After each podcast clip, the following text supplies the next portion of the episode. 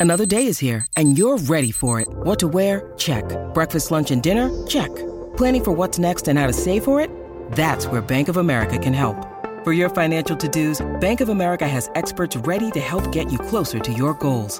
Get started at one of our local financial centers or 24-7 in our mobile banking app. Find a location near you at bankofamerica.com slash talk to us. What would you like the power to do? Mobile banking requires downloading the app and is only available for select devices. Message and data rates may apply. Bank of America and a member FDIC. Anlatsam roman olur. Thank you.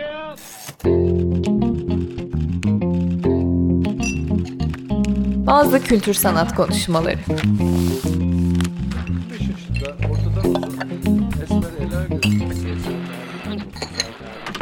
Anlatsam roman olurdan herkese merhaba. Ben Nida Dinçtürk. Beklediğimden uzun bir ara verdikten sonra tekrar buradayız. E, Hayvel İşbirliği ile yaptığımız durumların, kişilerin e, ve hallerin psikolojilerini konuştuğumuz seriye devam ediyoruz. Bu haftaki konuğum Ceyda Kurtar Anlı. Kimdir e, Ceyda Kurtar Anlı? Aslında kendisi Ankara Üniversitesi'nde mekansal coğrafya, coğrafya ekonomisi üzerine çalışan bir doktora araştırma görevlisi. E, bugün Ceyda Hoca ile biraz mekanların ve coğrafyanın e, psikolojimiz üstündeki etkilerini konuşacağız. Fakat Ceyda Hoca'nın çalışma alanı o kadar spesifik ve bizim üstünde hiç düşünmediğimiz fakat sürekli içinde bulunduğumuz hallerle ilgili ki ben e, kendisinin biraz daha çalışma alanına dair detay vermesini isteyerek başlayacağım. Tekrar hoş geldiniz Ceyda Hocam. Bize biraz alanınızdan söz eder misiniz? Tabii ki. Teşekkür ederim Nida öncelikle. Ee, böyle bir programda beni davet etmen, mekan üzerine, coğrafya üzerine konuşmak konuşacak olmam aslında beni de heyecanlandıran bir durum. Ee, çünkü gerçekten e, dediğin gibi içinde yaşadığımız ancak farkında olmadığımız konular üzerine konuşacağız. Biraz kendimi tanıtacak olursam ben e, Ankara Üniversitesi Coğrafya Bölümünde araştırma görevlisiyim. 2021 yılında doktoramı bitirdim.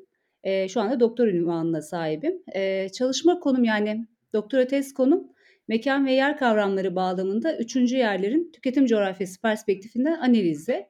Ee, daha çok ben tüketim coğrafyası üzerine ve tüketim mekanlarının aslında bugün de belki konuşacağımız üzere e, mekan mı yer mi e, olduğu üzerine bir tez yazdım ve bununla ilgili bir kavramsallaştırma geliştirmeye çalıştım.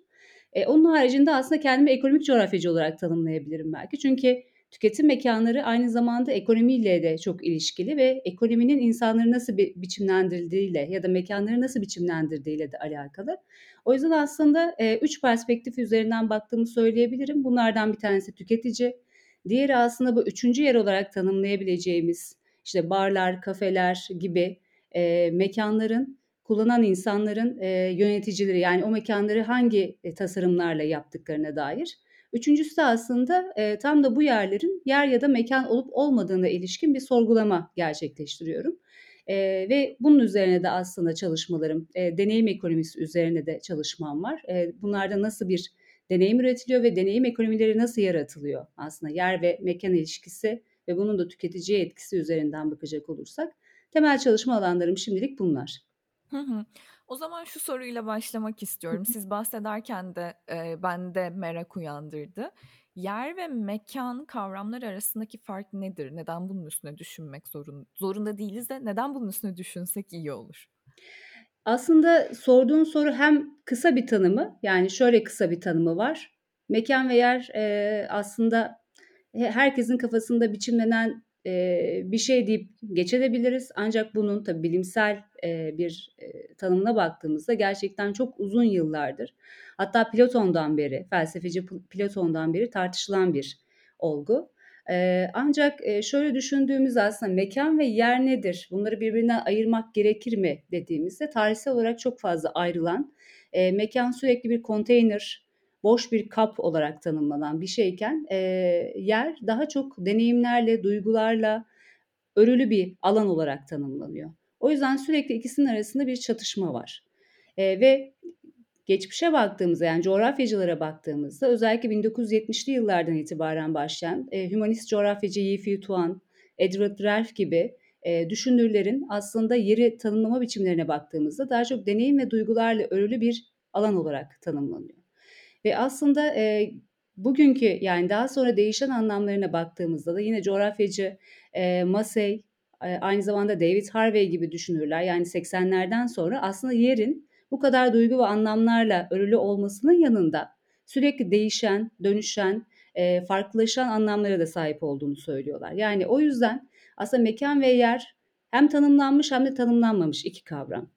Çünkü mekanı e, eğer boş bir alan olarak e, görmeye devam edersek bugünkü aslında birçok e, mekanı boş olarak tanımlamak mümkün değil. Yani hem mekan ve hem işte bugün e, aslında konuşacağımız konu da belki biraz o. Hani mekan mı diyoruz, yer mi diyoruz? E, acaba mekan dediğimiz e, alanlar yer olabilir mi? Yer dediğimiz alanlar ne kadar mekana dönüşebilir? Bu açıdan bir tarihsel e, anlatım olarak baktığımızda aslında hümanist coğrafyacıların dediği şey şu. E, tamamen insan ve o e, yerle ilişki ortasından çıkan bir anlama sahip. Yani diyor ki e, bir çocuğun ya da bir bebeğin beşiği yerdir diyor. Çünkü beşikte yatar ve beşikle ilişki kurar diyor. Ya da bir çocuğun odası onun yeridir diyor. Çünkü çocuk o yeri tanımla, tanımlar üzerinden bakıyor. Aynı şekilde e, ya da kutsal dini yerler yani bunu aslında Tuan sembolleşmiş yerler der. E, daha çok bir mimarisi olan insanların anlam atfettiği e, yerleri yer olarak görür. E, ancak mekan dediğinde aslında bir uzay gibi düşünülür hümanist coğrafyacılar tarafından. Yani mekan boştur. E, boşluk içerisinde yerler vardır ve yerlerle insanlar ilişki kurar gibi. Ancak e, tabii 80'lerden sonra e, özellikle e, Massey'in ve David Harvey'in bu e, sermaye akışları yani ekonomik döngülerin gelişmesiyle beraber aslında bu yerlerin tam da böyle hümanist coğrafyacıların dediği gibi e, yani işte sadece duygu ve anlamlarla örülü biricik, tekil, eşsiz alanlar olmaktan çıkararak aslında sürekli değişen dönüşen bu küresel e, etkilerden sürekli etkilenen ve kendi yeni anlamlar kazanan ve mekanın ve yerin sürekli birbiriyle ilişkili olduğu bir alan olarak karşımıza çıkıyor. Mekan nedir burada dediğinizde belki Henry Lefebvre'ye e, atıf yapmak gerekiyor. Mekan toplumsal bir üretimdir diyor. Hmm. Mekan üretimi kitabında ki bu tüm bir mekan algısını değiştiren de bir çalışmadır. Yani mekan e, dediğimiz şey aslında yerden bağımsız değil, yeri içeren, sürekli birbirini etkileyen, birbiriyle dönüşen e, ve e, toplumun e, fikirleri, kimlikleri, düşünüş tarzları, aktiviteleriyle sürekli değişen, hatta dış dünyadan bağımsız olmayan bir e, alan olarak ortaya çıkmaya başlıyor. O yüzden hani bugün de yine baktığımızda mekan yer nedir diye sorduğumuzda her bir perspektifin kendi açısından e, tanımla, tanımlamaların olduğunu görürüz. İktisat kendi açısından e, anlatıyor.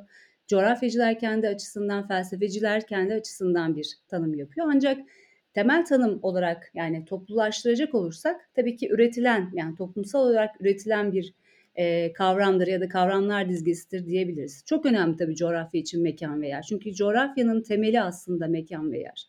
Çünkü biz e, sürekli e, somutta, mekanda, yerde oluşan ilişkilerden, ilişkileri e, tartışan bir disipliniz aynı zamanda. Yani bu o yüzden e, bu kavramları yeniden tartışmak, yeniden gündeme getirmek, günümüzde peki bunları nasıl tanımlayacağız demek aslında yine herhalde coğrafyacılara çok büyük iş düşüyor diye düşünüyorum burada. Aslında sıradaki sorum şu olacaktı, biraz da buna da değinmiş oldunuz.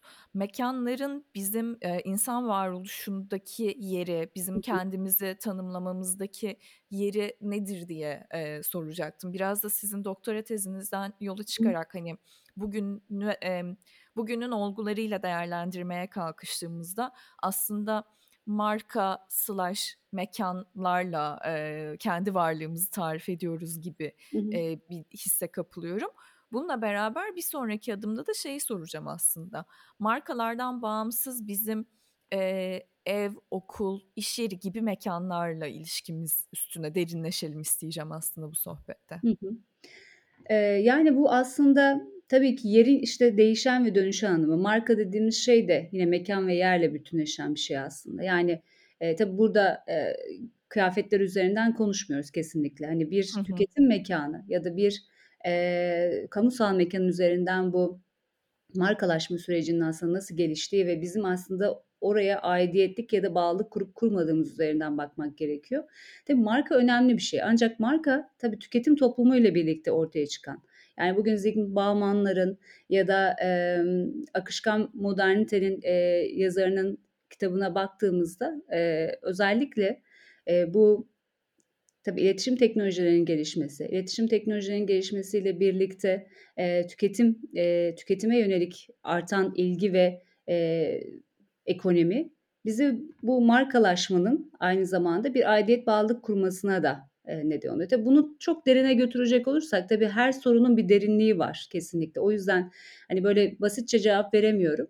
E, Thorstein Veblen'e kadar bu gösterişli tüketime kadar bizi götüren mesele aslında. Çünkü gösterişli tüketim demek tamamen aslında e, bizim e, bir olayı ya da mekanı nasıl algıladığımızı da belirten bir şey. Çünkü eğer bir mekan markaysa yani işte Starbucks örneğini Starbucks'ı verebiliriz ya da e, herhangi işte bugün birçok marka ortaya çıkıyor. Kafe lablar ortaya çıktı ya da e, kahve mekanları diyelim e, topluca.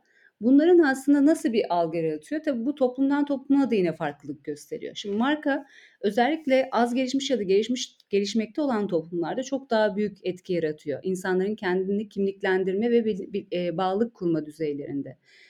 Çünkü bu alanlar e, özellikle ilk ortaya çıktığında tabii ki daha e, toplumun üst kesimine hitap eden ve toplumun üst kesiminin zevklerine uygun olarak ortaya çıkan mekanlar baktığımızda ilk çıkışlarında ve insanlar yani bu üst kesime ait olmayan insanların e, buralara erişme ya da o insanların yaşadığı tarzda bir yaşam tarzını yaşama arzusu aslında insanları oraya çeken ve götüren de bir neden haline gelmeye başlıyor. Peki bu bize nasıl bir kimlik yaratıyor? E, yani bu tamamen aslında psikolojik bir şey.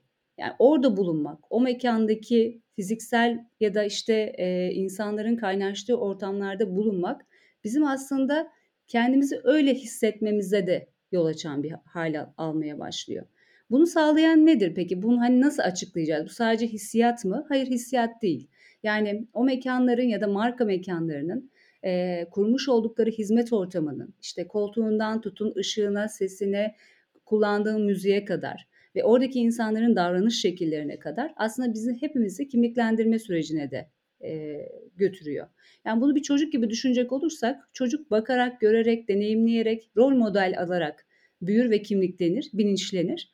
Aynı şekilde aslında bizim gibi yetişkin insanların da ya da e, yetişmeye, yetişkin olmaya aday insanların da kendi kimliklendirme süreçlerinde bu tarz modellere ihtiyaç duyuyor. Çünkü kendi ev ortamından ya da e, kendi rol modellerinden çıkarak ben nasıl birisi olacağım, ne beni iyi hissettiriyor dediğimizde bu mekanlar gerçekten insanlara yardımcı olan, belki yanlış kimliklendiren ama o kimliklendirme sürecinde yardımcı olan mekanlar haline de dönüşmeye başlıyor. Tabii bu psikolojik bir şey. Bunun bir kısmı gösterişçi. Yani tamamen e, kişi bedeninde ya da kimliğinde bunu hissetmeden sadece arkadaşları, çevresi oraya gittiği için öyle görünmek isteyen insanların gittiği mekanlar oluyor. Ya da bazen de gerçekten e, kendi kabuğunuzdan e, kurtulmayı sağlayan, işte ben buyum dediğiniz alanlar halinde. Aslında burada gerçekten e, o psikolojiyi kurmamızda ya da o kimliği kurmamızda o mekanların ya da markaların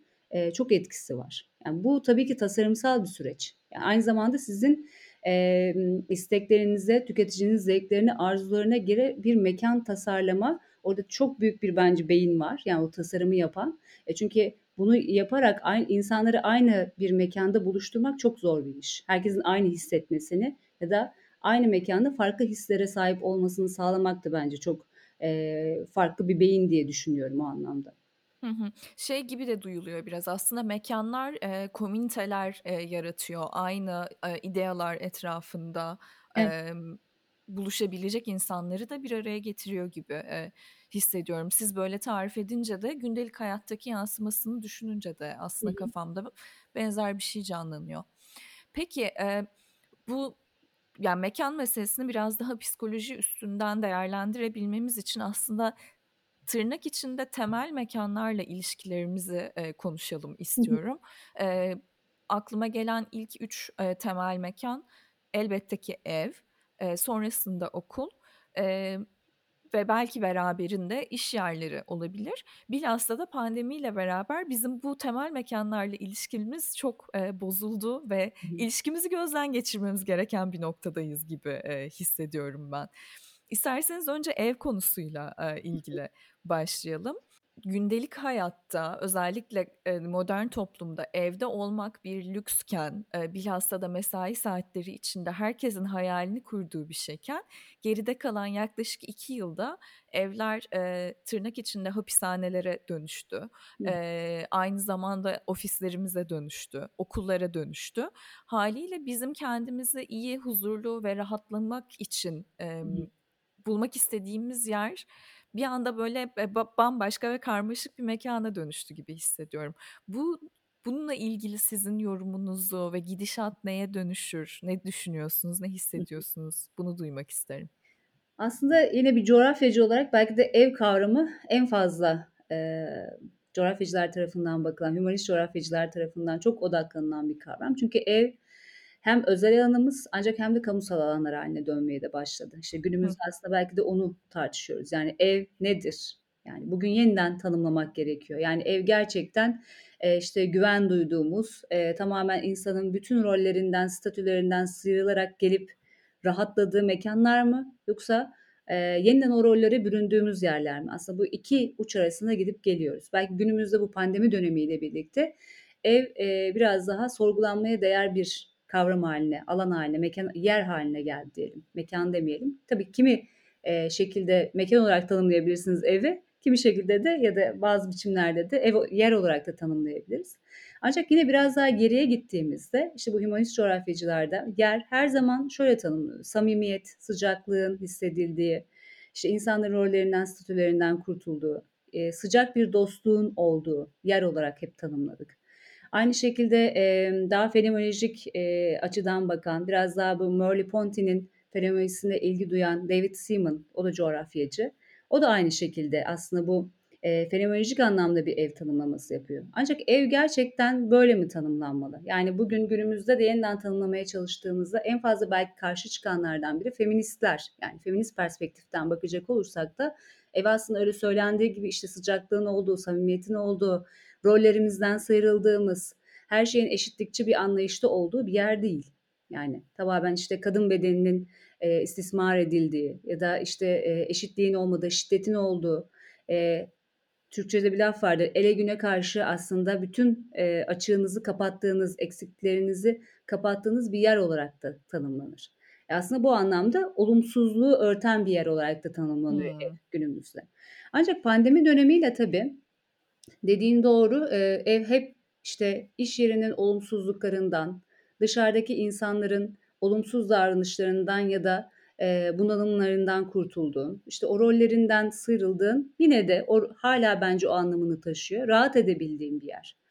Ancak pandemiyle birlikte evimize de, eee, kamusal mekânlar girmeye başladı. Nasıl girdi? Hem iş açısından, iş hayatı açısından hem de eğitimin, eee, eve taşınması. Yani biz bugün birçok işte sen saydın e, ev dedin, iş yeri dedin, e, okul yani üniversiteler ya da ilkokullar, ortaokullar, liseler bunları hepsini dahil edebiliriz.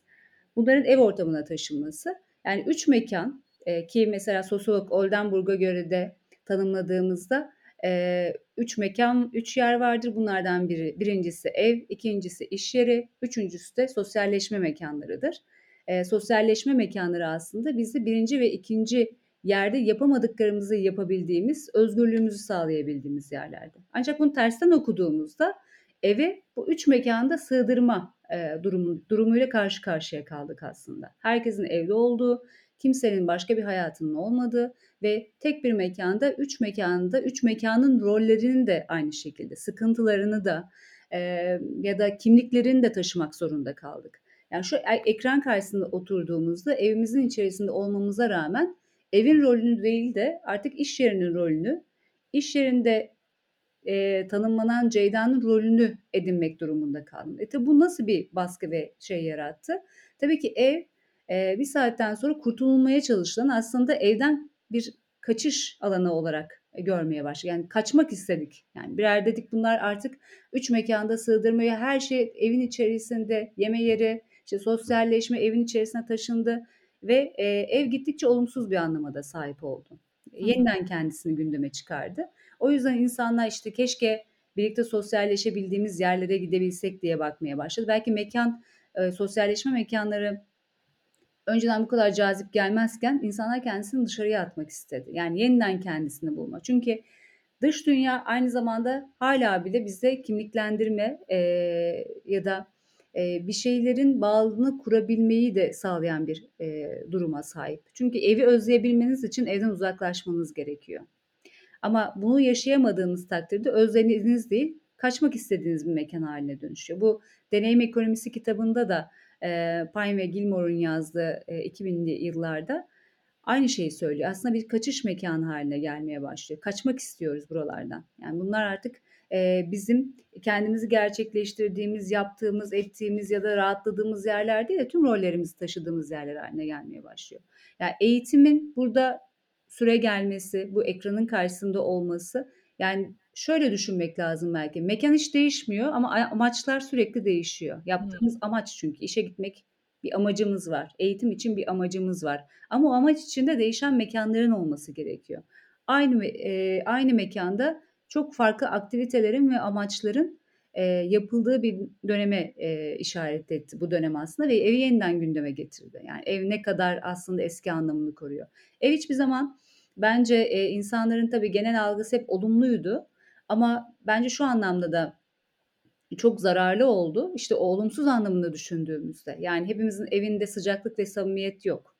Evet. Ee, yani işte şiddet gören, e, evinde sürekli kavganın bitmediği ya da ekonomik krizle boğuşan yani çalışmanın engellendiği bir yerde ev o olumsuz anlamın daha da olumsuz bir anlama doğru taşıdı ve gittikçe yıkıcı bir etkiye de sahip olmaya başladı. Yani günün sadece bir 7-8 saati o alandan kurtulurken artık kurtulamamaya başladın ve e, bu da insanları tabii ki bunalıma ve yeniden kendisini sorgulamasına doğru götürmeye başladı. Hı hı. Şunu da merak ediyorum.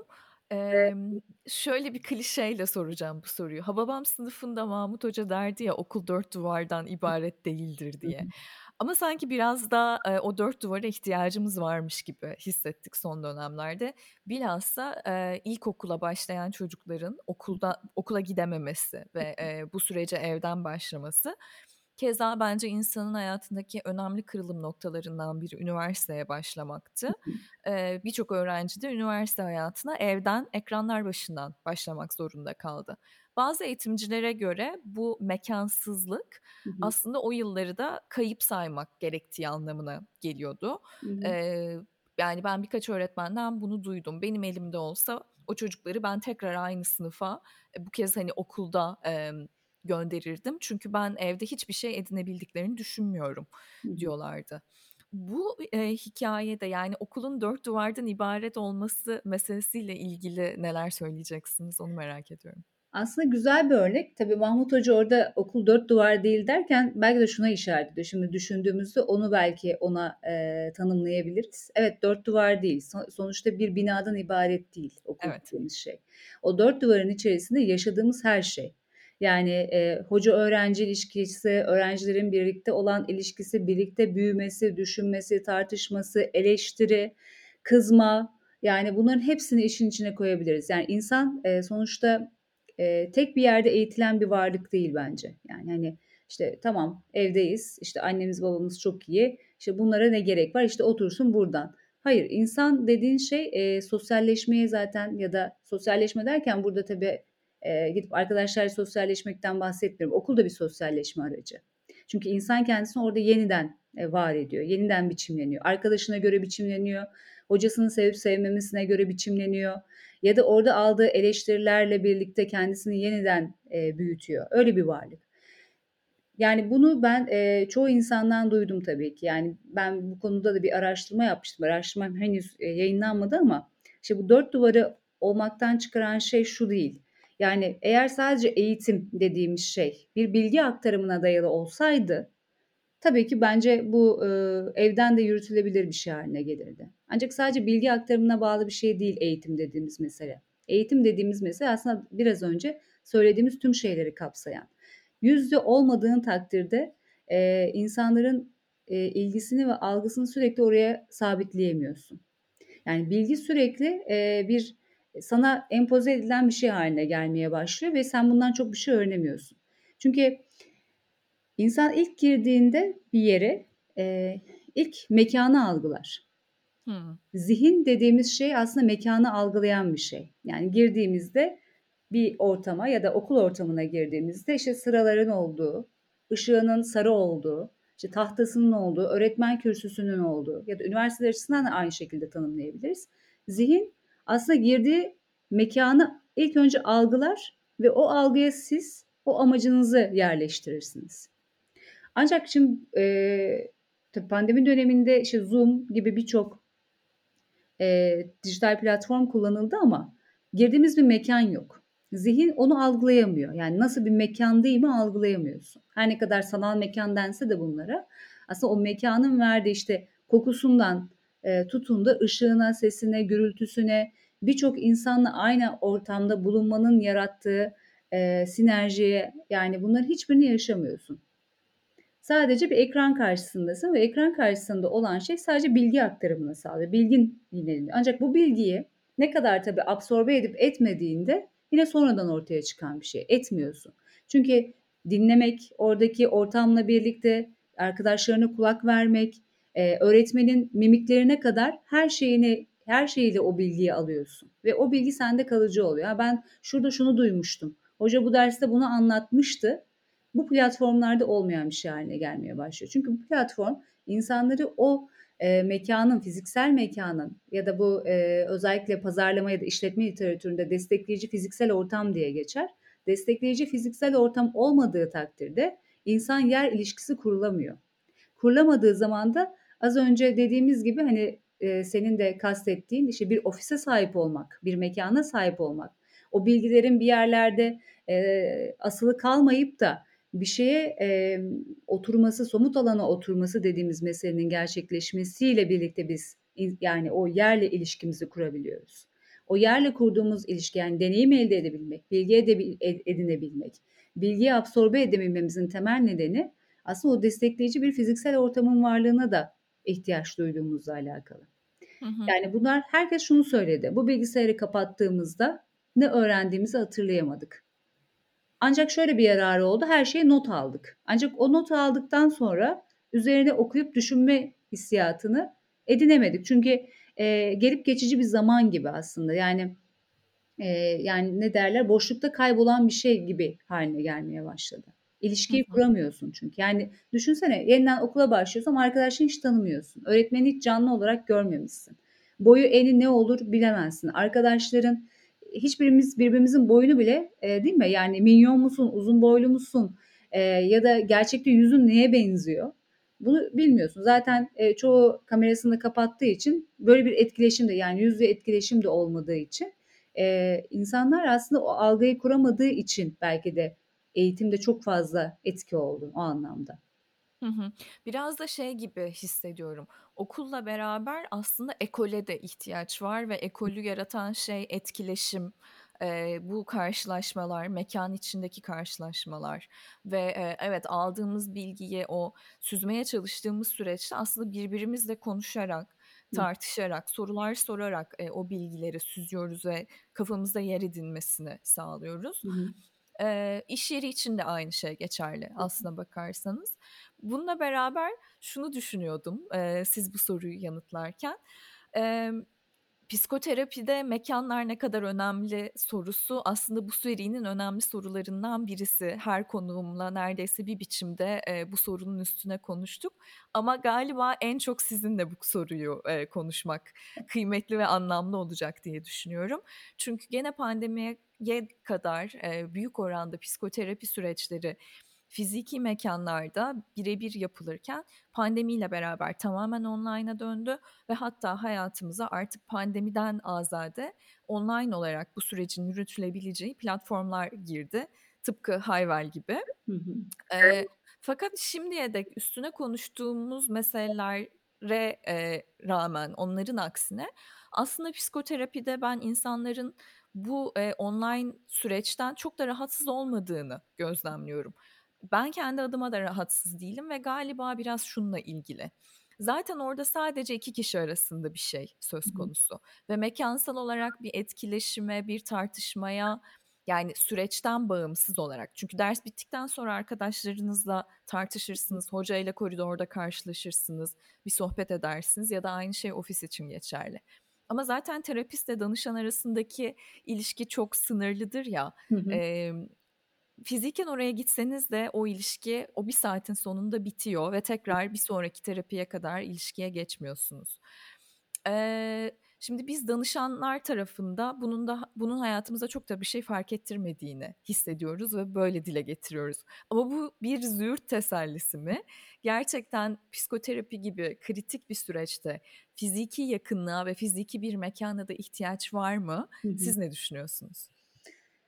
Güzel bir soru. Ee, ancak sanırım bu psikoterapi yapanların e, bir kısmı bunu destekliyor, bir kısmı desteklemiyor diye biliyorum. Yani e, benim de görüştüğüm ve e, yani gözlemlediğim kadarıyla çünkü fiziksel yakınlık ya da yüz yüze yakınlık dediğimiz şey aslında kişinin daha iyi kendisini anlatmasını sağlayan bir şey olduğunu düşünüyorum. Yani bu evet belki sadece bir alışveriş ilişkisi gibi düşünürsek belki hiçbir şeyi olmayabilir o anlamda. Hani farklılığı olmayabilir. Ancak bizim burada e, temelde deneyimsel olan ilişkiyi kaldırmamamız gerektiğini düşünüyorum. Çünkü hmm. orada olmak demek her şeyi deneyimlemek demek.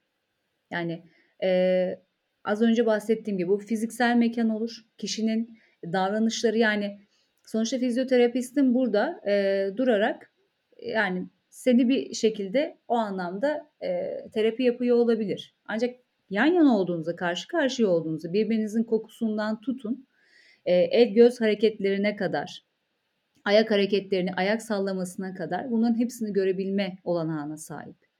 O zaman senin vücut dilinin ne demek istediğini anlatabilir ya da hissedebilir. Ancak burada ben sabit bir şekilde çok rahatlıkla sana fikirlerimi anlatsam bile şu anda ayağımı salladığını bile görmüyorsun ya da sıkılıp sıkılmadığımı hissedemeyebilirsin. Bu bir hissiyat. Çünkü e, bu tarz şeylerde hani kişinin göz kırpması bile çok etkili olduğunu düşünüyorum ben. Yani çünkü sonuçta karşındaki kişi seni o anlamda yorumlaması ya da e, sana yön vermesi gerekiyor. Ancak sadece hani belden yukarısının görüldüğü bir yerde e, ve e, duyguları çok da geçirmeyen bir platformda bu nasıl mümkün olabilir? Ben mümkün olabileceğini düşünmüyorum açıkçası. E, çünkü hani bu aynı şekilde eğitimde ne hissediyorsak yani ya da iş yerlerinde ne hissediyorsak yani bugün online olarak çalışmak mı yoksa yüz yüze gidip ofislerde çalışmak mı dendiğinde bunlarda nasıl bir ayrım yapıyorsak aynı şekilde psikoterapilerde de e, ben böyle bir ayrımın e, çok değerli olacağını düşünüyorum. Yani fiziksel mekanlarda gerçekleştirilen deneyimle e, online mekanlar üzerinden gerçekleştirilen bir tedavi ya da deneyim e, bence ikisi arasında müthiş farklılık olacağını düşünüyorum. Tabii hani bu deneyimlediğim bir şey değil açıkçası. Hı hı. Ee, hani belki senin deneyimlerinden yola çıkarak e, bunun çok etkili olmadığını yani her ikisinde de bunu e, başarabildiğini söylüyorsun ama hani bu gerçekten e, bilmiyorum diğerini de deneyimledim. Ben sana soru sormuş gibi olacağım ama. O, olabilir problem değil. Evet hani diğerini fizik... deneyimlediğin e, ki arasındaki mutlaka bir fark farklılık olabileceğini düşünüyorum. Bilmiyorum hani bunu belki senin cevaplaman çok daha doğru olabilir. Hani nasıl bir Hı-hı. farklılık vardı?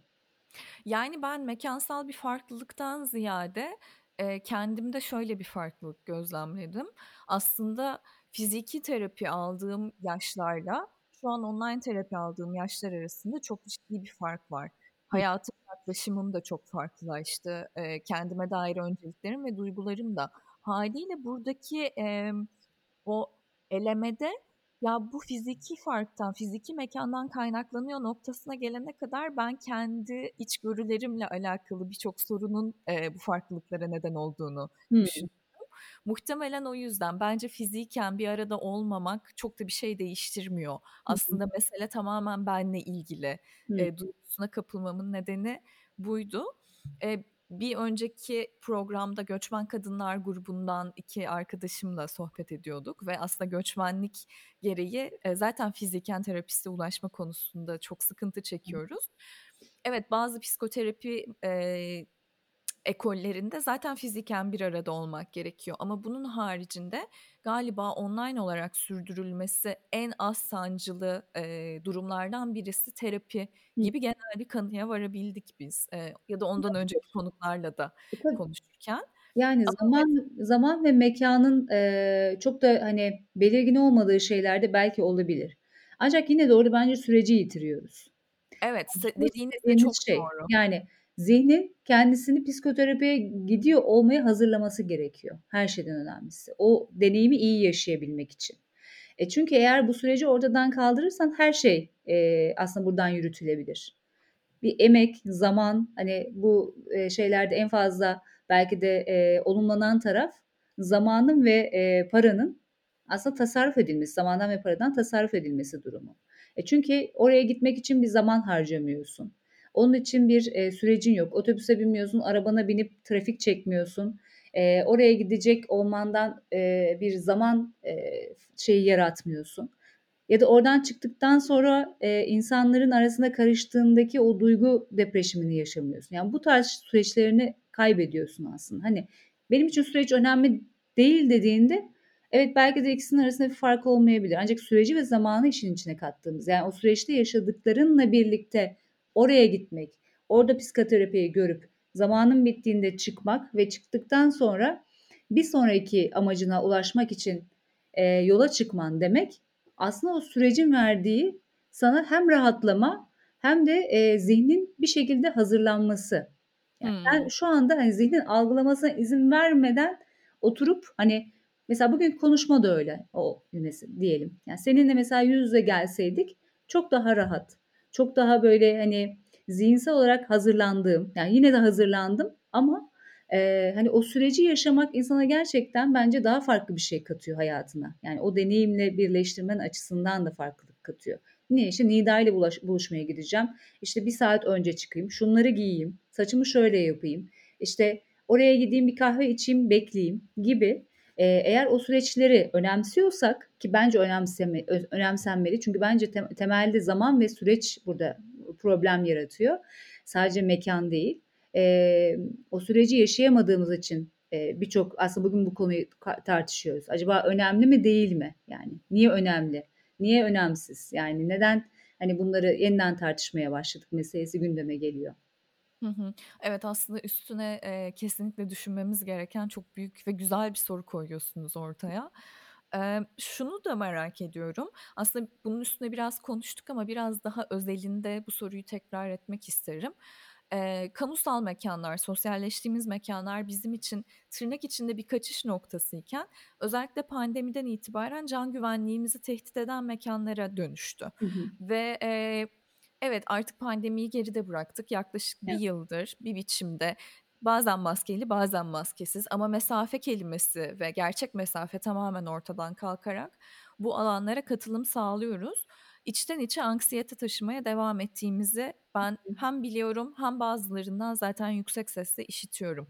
Bu durum bizim sokakla ilişkimizi nasıl etkiliyor bunu merak ediyorum. E, tabii yani özgürce çıkabildiğin, rahatlayabildiğin şeylerde kafanda sürekli soru işaretleri olarak çıkıyorsun. Acaba işte şunu kapar mıyım? Covid kapar mıyım? Şimdi e, insanlar Covid'i de e, şey yaparak e, şimdi işte salgın olan hastalıklar var. Domuz gribi, o bu yani. Sürekli aslında dediğin doğru. Her ne kadar maskeleri çıkarmış da olsak, artık sosyalleşme mekanlarına daha rahat gidecek de olsak, e, hala yanımızda birisi öksürdüğünde ya da hapşırdığında e, insanın kendini tedirgin hissetme durumu var. Yani bu bir anksiyete yarattı ve bu anksiyete çok kolaylıkla geçmeyeceğini düşünüyorum. Çünkü gerçekten pandemi öyle bir zamanda ve öyle bir şiddetle geldi ki, yani çünkü çok e, fazla ölen insan gördük.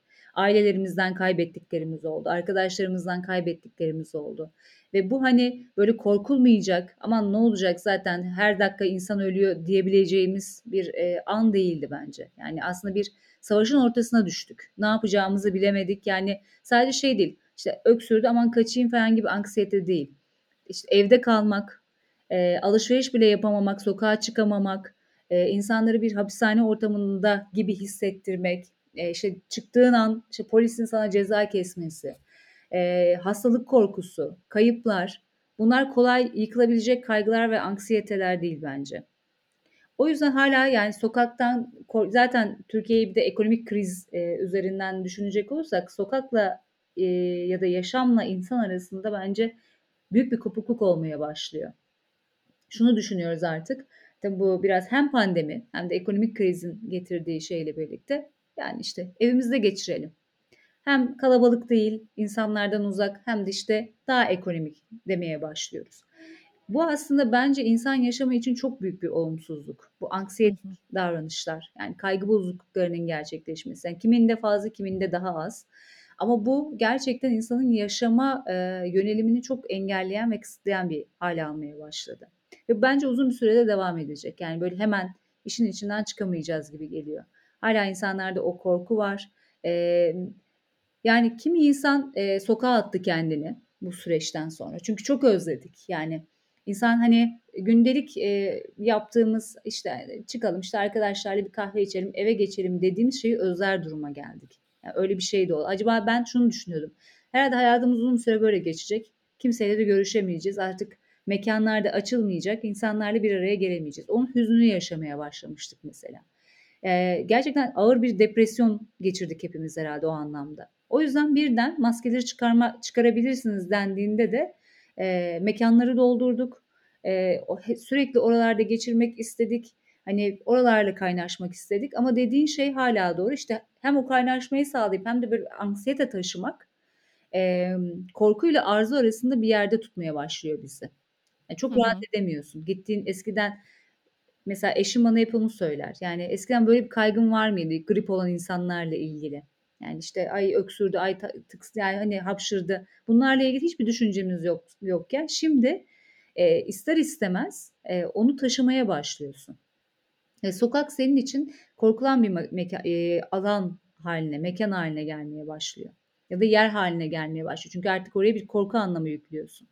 Korku anlamı yüklediğin için de e, olumsuz e, olmaya başlıyor. O yüzden diyorsun hani evde mi geçirsem, gitmesem. Şimdi yılbaşı mesela. E, çok kalabalık evet. ortamlar e, ve hala bu e, hastalık ne yazık ki etkisini devam ettiriyor. Henüz kalkmış değil. E, insanlar çıkıp çıkmamak konusunda bile kararsız kalıyor birçok insan. E, bilmiyorum korkulan herhalde korkulan e, olumsuz anlam yüklenen bir alana da dönüşmeye başladı. Yani bunu tamamen olumlayamayız artık sanırım. Hı hı.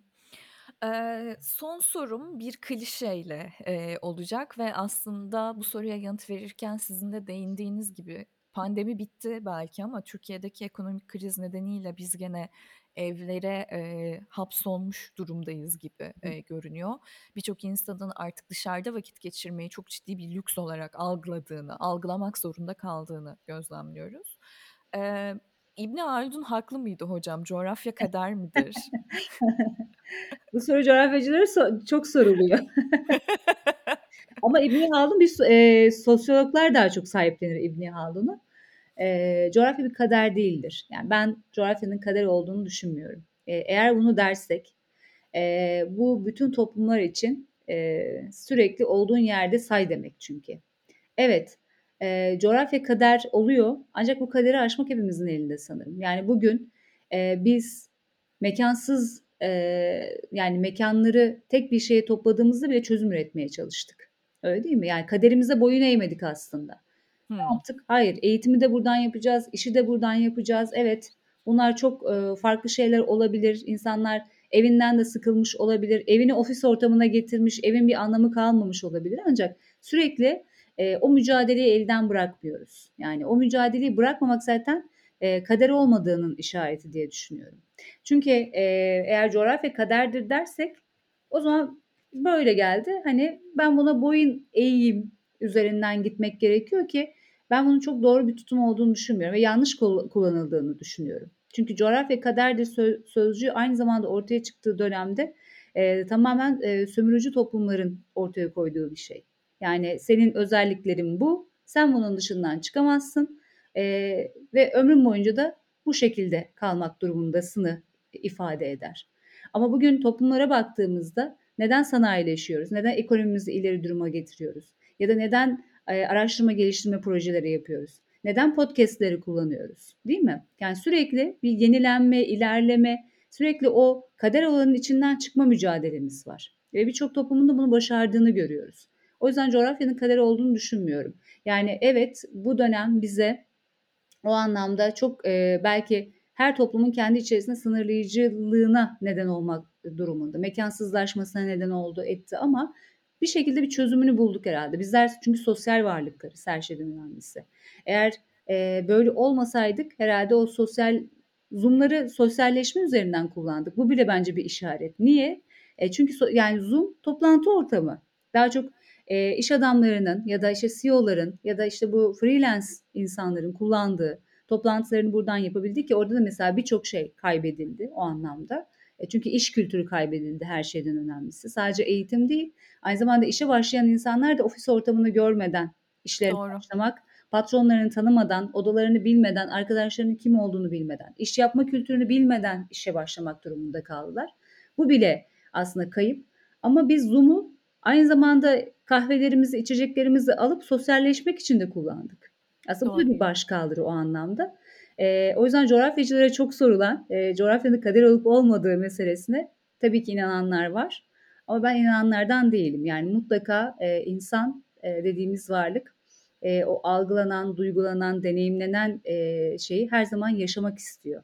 E, kendisini bir adım daha ileriye götürmek istiyor. İşte orada belki de kimliklendirme süreci dediğimiz şey bile kendisini orada ortaya çıkarıyor. Çünkü kimliklendirme şey e, kadere boyun eğilerek yapılacak bir şey değil. Hmm. Sen kendi ailenden, ev ortamından çıkman bile bir kadere baş e, kaldırman demek o anlamda. Çünkü ben farklıyım, ben ailem gibi olmayacağım demek bile yani coğrafya küçük her şeyde düşünebilirsiniz. Yani coğrafya sadece e, koskoca bir ulus değil.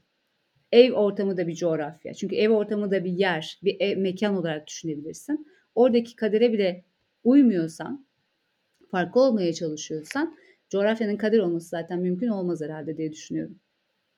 Peki, o zaman bu sohbeti coğrafya kadar değildir diyerek bitiriyoruz gibi hissediyorum. Evet, bunu böyle değiştirebiliriz bence artık. Evet, yeni yıla girerken güzel bir mottomuz olur böylece. Evet. Ee, çok teşekkür ederim Ceyda Hocam. Çok keyifli ve çok zihin açıcı bir sohbet oldu benim için. Çok teşekkür ederim ben de. Benim için de tartışmak gerçekten e, evet alanım bu ama tartışmak, yeniden düşünmek, e, yeni fikirlere ya da yeni deneyimlere e, sahip olmak ve gözlemleyebilmek açısından da benim için de çok güzel geçti. Hem seni tanımak da çok güzel oldu benim için. Çok Benim teşekkür için de. ederim. Ben teşekkür ederim. Görüşmek üzere, hoşça kalın. Görüşürüz. Hoşçakalın.